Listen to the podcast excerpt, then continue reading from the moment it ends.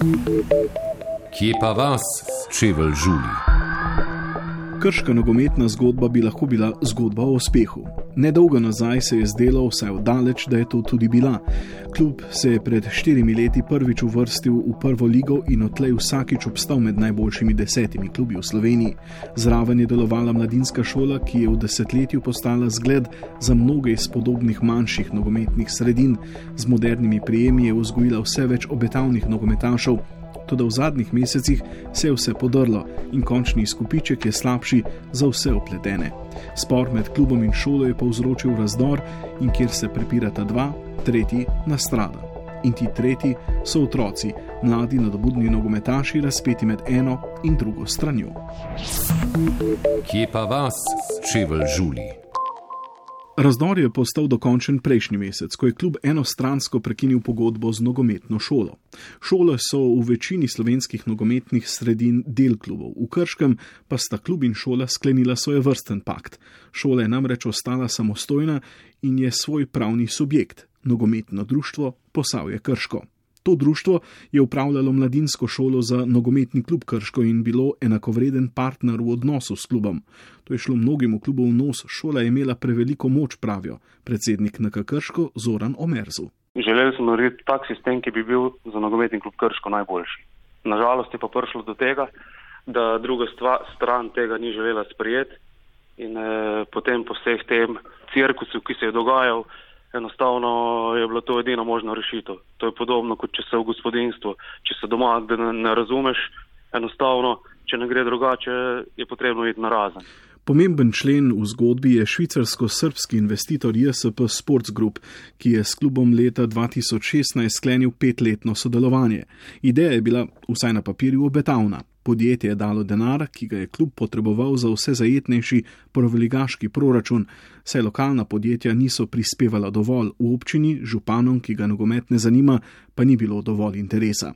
Na drugi strani pa bi podjetje vzelo precejšen kos pogače pri prestopih in tako povrnilo svoj vložek. A se je kmalo zataknilo, šola se je postavila na stran JSP, podjetje je sicer vlagalo v mlade, s tremi nogometaši šole je podpisalo profesionalne pogodbe, hkrati pa je v klub pripeljalo veliko tujcev, s katerimi je skušalo na hitro zaslužiti. A to se ni zgodilo, vodilni v klubu pa so bili vse bolj skeptični. V podobnih primerih v slovenskem nogometu je bilo precej ponesrečenih zgodb s tujimi investitorji, denimo v celju in velenju, kjer so bile obljube prazne, zasebni interesi pa so pogosto prevladali nad klubskimi.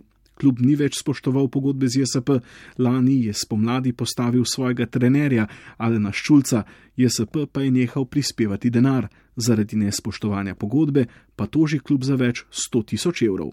Zorano Merzu.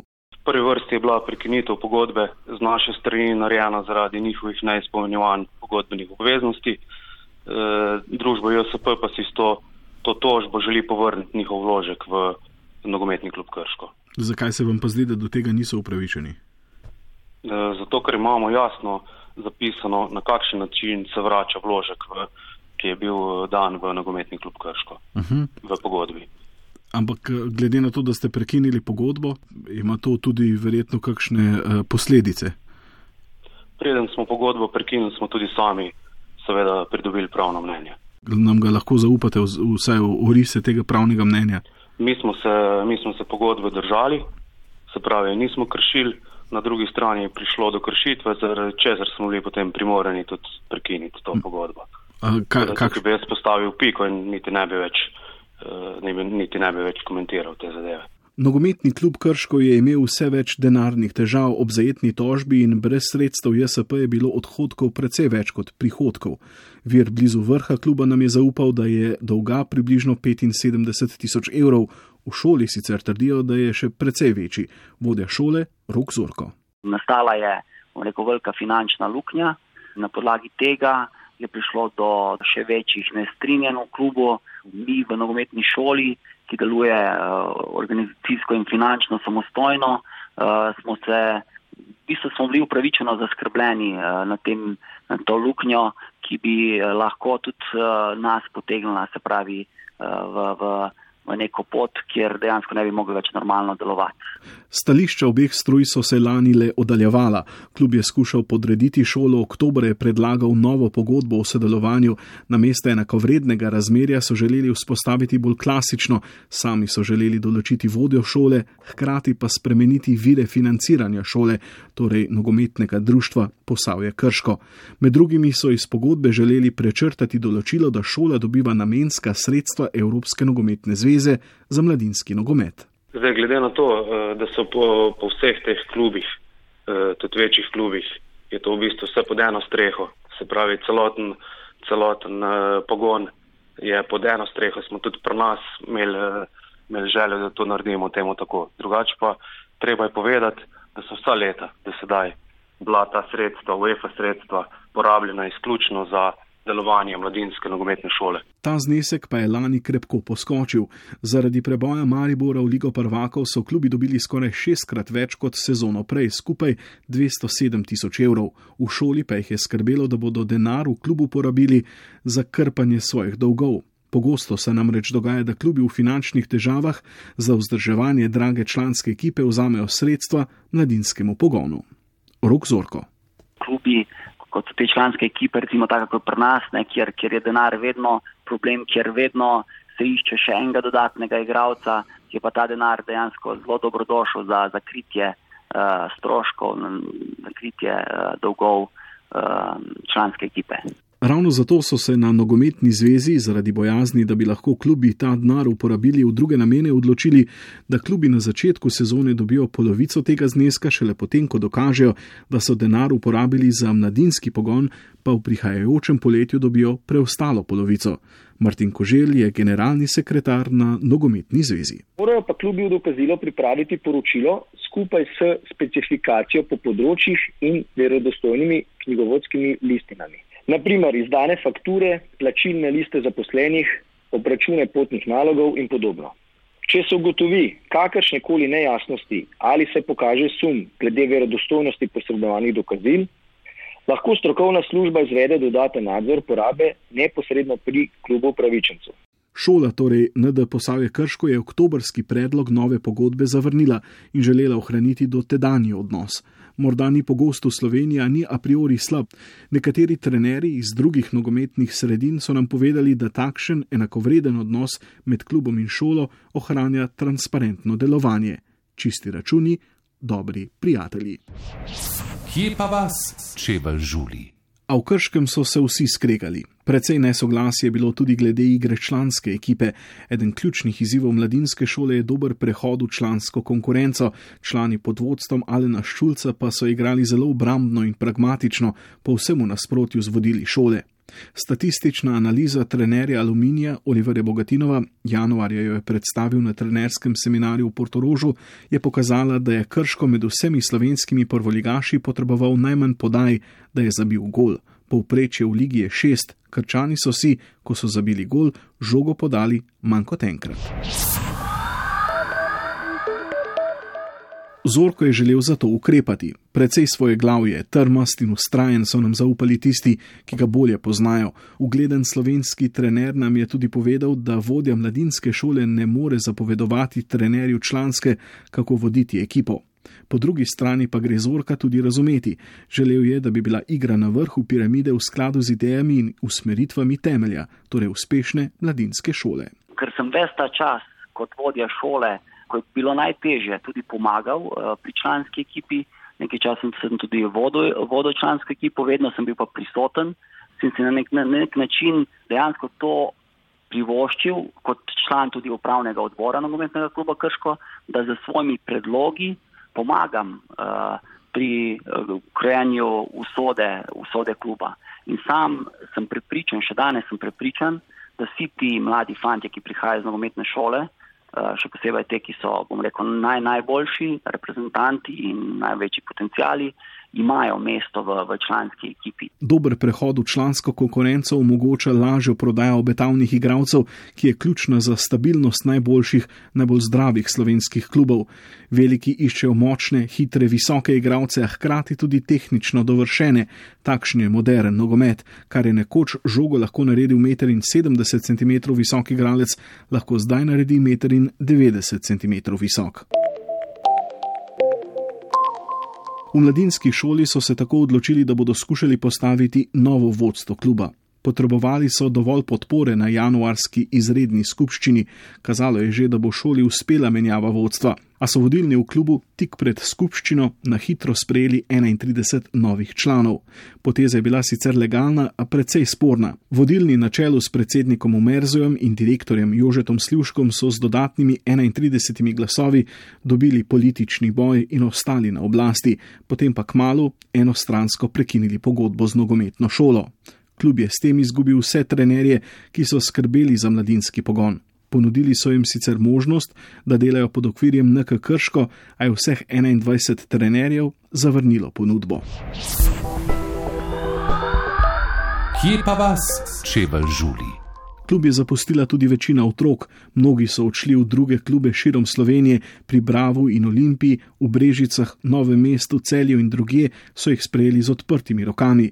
Nekateri pa so nehali trenirati, takole je pripovedovala mama enega teh otrok. Upala sem, da bodo nekako našli skupni jezik, da bodo stopili skupaj za skupno dobro otrok.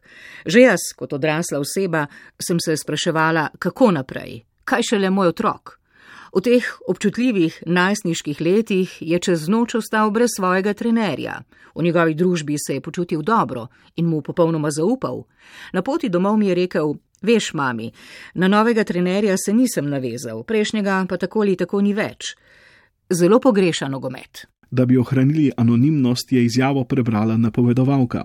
Večina staršev, s katerimi smo se pogovarjali, ni želela, da bi objavili njihovo ime oziroma da se sliši njihov glas. Slovenija je majhna, zdi se, da vsak vsakega pozna, krško pa še precej manjše. Mnogih je strah morebitnih posledic. Eden od staršev je celo rekel, da se počuti, kot bi bilo v krškem vojno stanje, da je prišlo do delitev ali si na eni ali na drugi strani, ali si z nami ali pa proti nam. Od preostalih otrok je približno polovica ostala v klubu, polovica pa v šoli. Razdeljeni so po starosti, od 12. leta na vzgor so ostali znotraj kluba, mlajši pa v sklopu šole.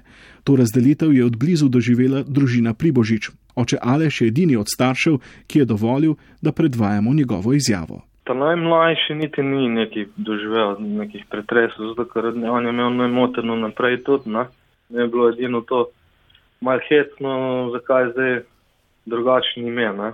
On je zmeren nekaj krško, zdaj pa nekaj posoje krško. Ne? Pri Tavečem smo imeli pa kar problem. No? On je pa praktično čez noč ustal brez trenerja. No? In dva, tri dni smo imeli krizo, ko je doma praktično joko ne? za trenerji, ko so se poslovili od njih. Ne? Nekako so se navezali, no, bili so jim kot neke vrste očetje. No. Otroci so se pritoževali tudi nad monotonimi treningi, ker je skušal klub na vrat na nos pridobiti nove trenerje in je nekatere rekrutiral z Hrvaške, pa so imeli mnogi težave pri razumevanju navodil. In že samega jezika dosti ne razumejo, tudi sam način vodenja treninga, sam trening. Pa glede na to, da je 15 let star, že kar dosti veno, kak je, ne vem, dober trening, kak je slab trening. Ne in nekako je dobil tudi odpor do samega treninga hoditi. No, tako da malo je krizo. No. Prejšnji teden se je prvič zgodil, na, da mi je ta večji rekel, da se mu pa nadaj na trening, da se mu ne ljubi, ker itak bo monotono. Na. Vseh teh devet let je izostal od treninga, ne vem, bom rekel petkrat ali šestkrat, pa še to zaradi bolezni na sezono. Ne tukaj ima rad nogomet, tukaj rad igra, tukaj rad z veseljem hodil uh, na treninge, zdaj pa kar nek odpor dugo. Pri Božičevi niso edini, ki imajo enega otroka na eni, drugega pa na drugi strani. V klubu so na nekatere pritiskali, da svojega otroka izpišejo iz šole in upišejo nazaj v klub, kot razlaga eden od staršev, ki ni želel biti imenovan. Živel sem za to krško, zato še bolj boli, kot ti nekdo reče: Zdaj se ti vrata počasi zapirajo, če ne bo prestopil v edini klub v krškem. Zakaj morajo moji otroci prestopiti? Jaz samo želim, da nekdo naprej dela z njim, ker sem bil zadovoljen, da ga vzgaja kot fanta, bodočega moškega, mogoče tudi nogometaša. Druga stran tega ne nudi, ne fanta ali moškega, mislim pa, da še zdaleč tudi nogometaša ne. Predsednika Omerzoja smo seznanili s tem, ni rekel, da bodo te predvsej resne obtožbe v klubu raziskali, njegov protiargument je bil le, da tudi druga stran to dela. To je povedal v pogovoru, za katerega ni dal soglasja, da se posname, zato ga ne moremo predvajati. Kje pa vas, čebel žuli? Posledica obtožb in sporov v zadnjih mesecih je precej nezaupanja na obeh straneh tega razdora, a vsi so si v nečem edini in sicer, da je nogometna šola dobro delovala. To nam niso potrdili zgolj v klubu, to so povedali tudi drugi nogometni delavci po Sloveniji. Eden ključnih projektov se je zagnal pred 15 leti. Nogobikci je program, ki je približal nogomet najmlajšim. Zabavnimi, igrivimi vajami, ki pritegnejo, so trenerji uspeli privabiti veliko mladih otrok. Na ta način so razširili bazen in iz večjega bazena se lažje črpa. Ravno takšni programi so bili ključni za preporod nemškega nogometa, kjer so pred dvema desetletjama po vsej državi ustvarili mrežo regionalnih centrov, kjer otroci vadijo pod vodstvom kvalificiranih zvezdnih nogometnih trenerjev. Zato se redkeje zgodi, da talentiran mlad nogometaš ostane neopažen. Ko je Nemčija leta 2014 postala svetovni prvak, je skoraj polovica vseh 23 reprezentantov svojo nogometno pot začela v enem od teh regionalnih centrov. Šele.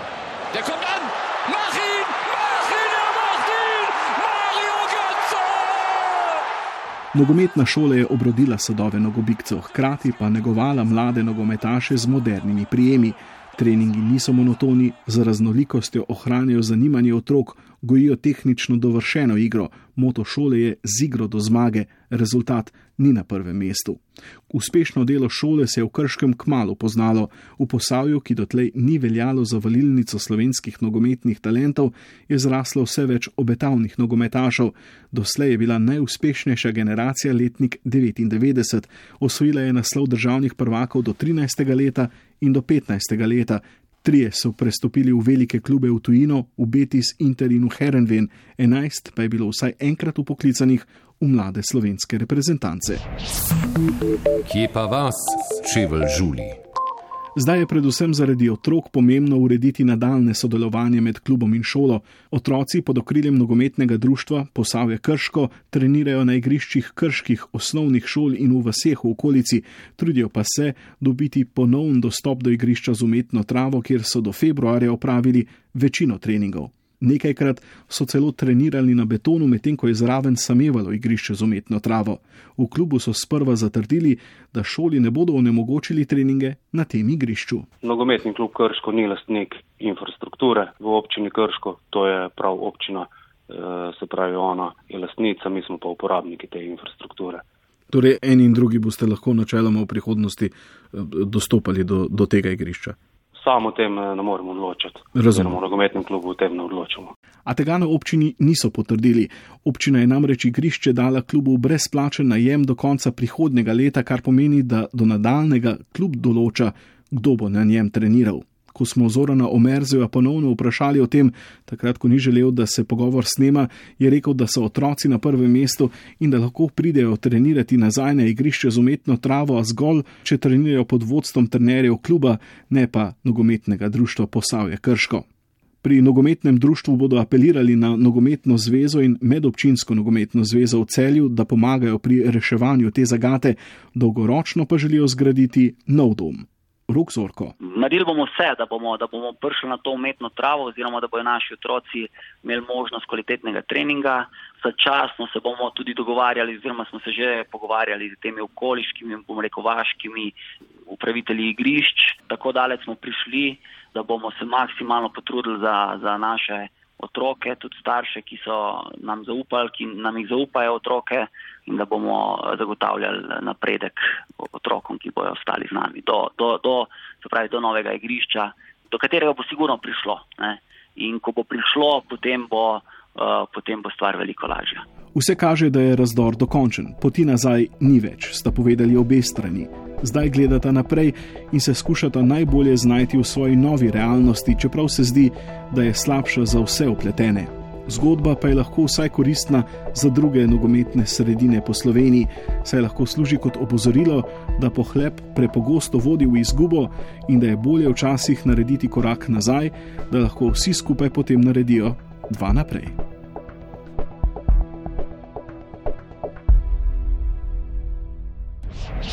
Kje pa vas čevelj žuli?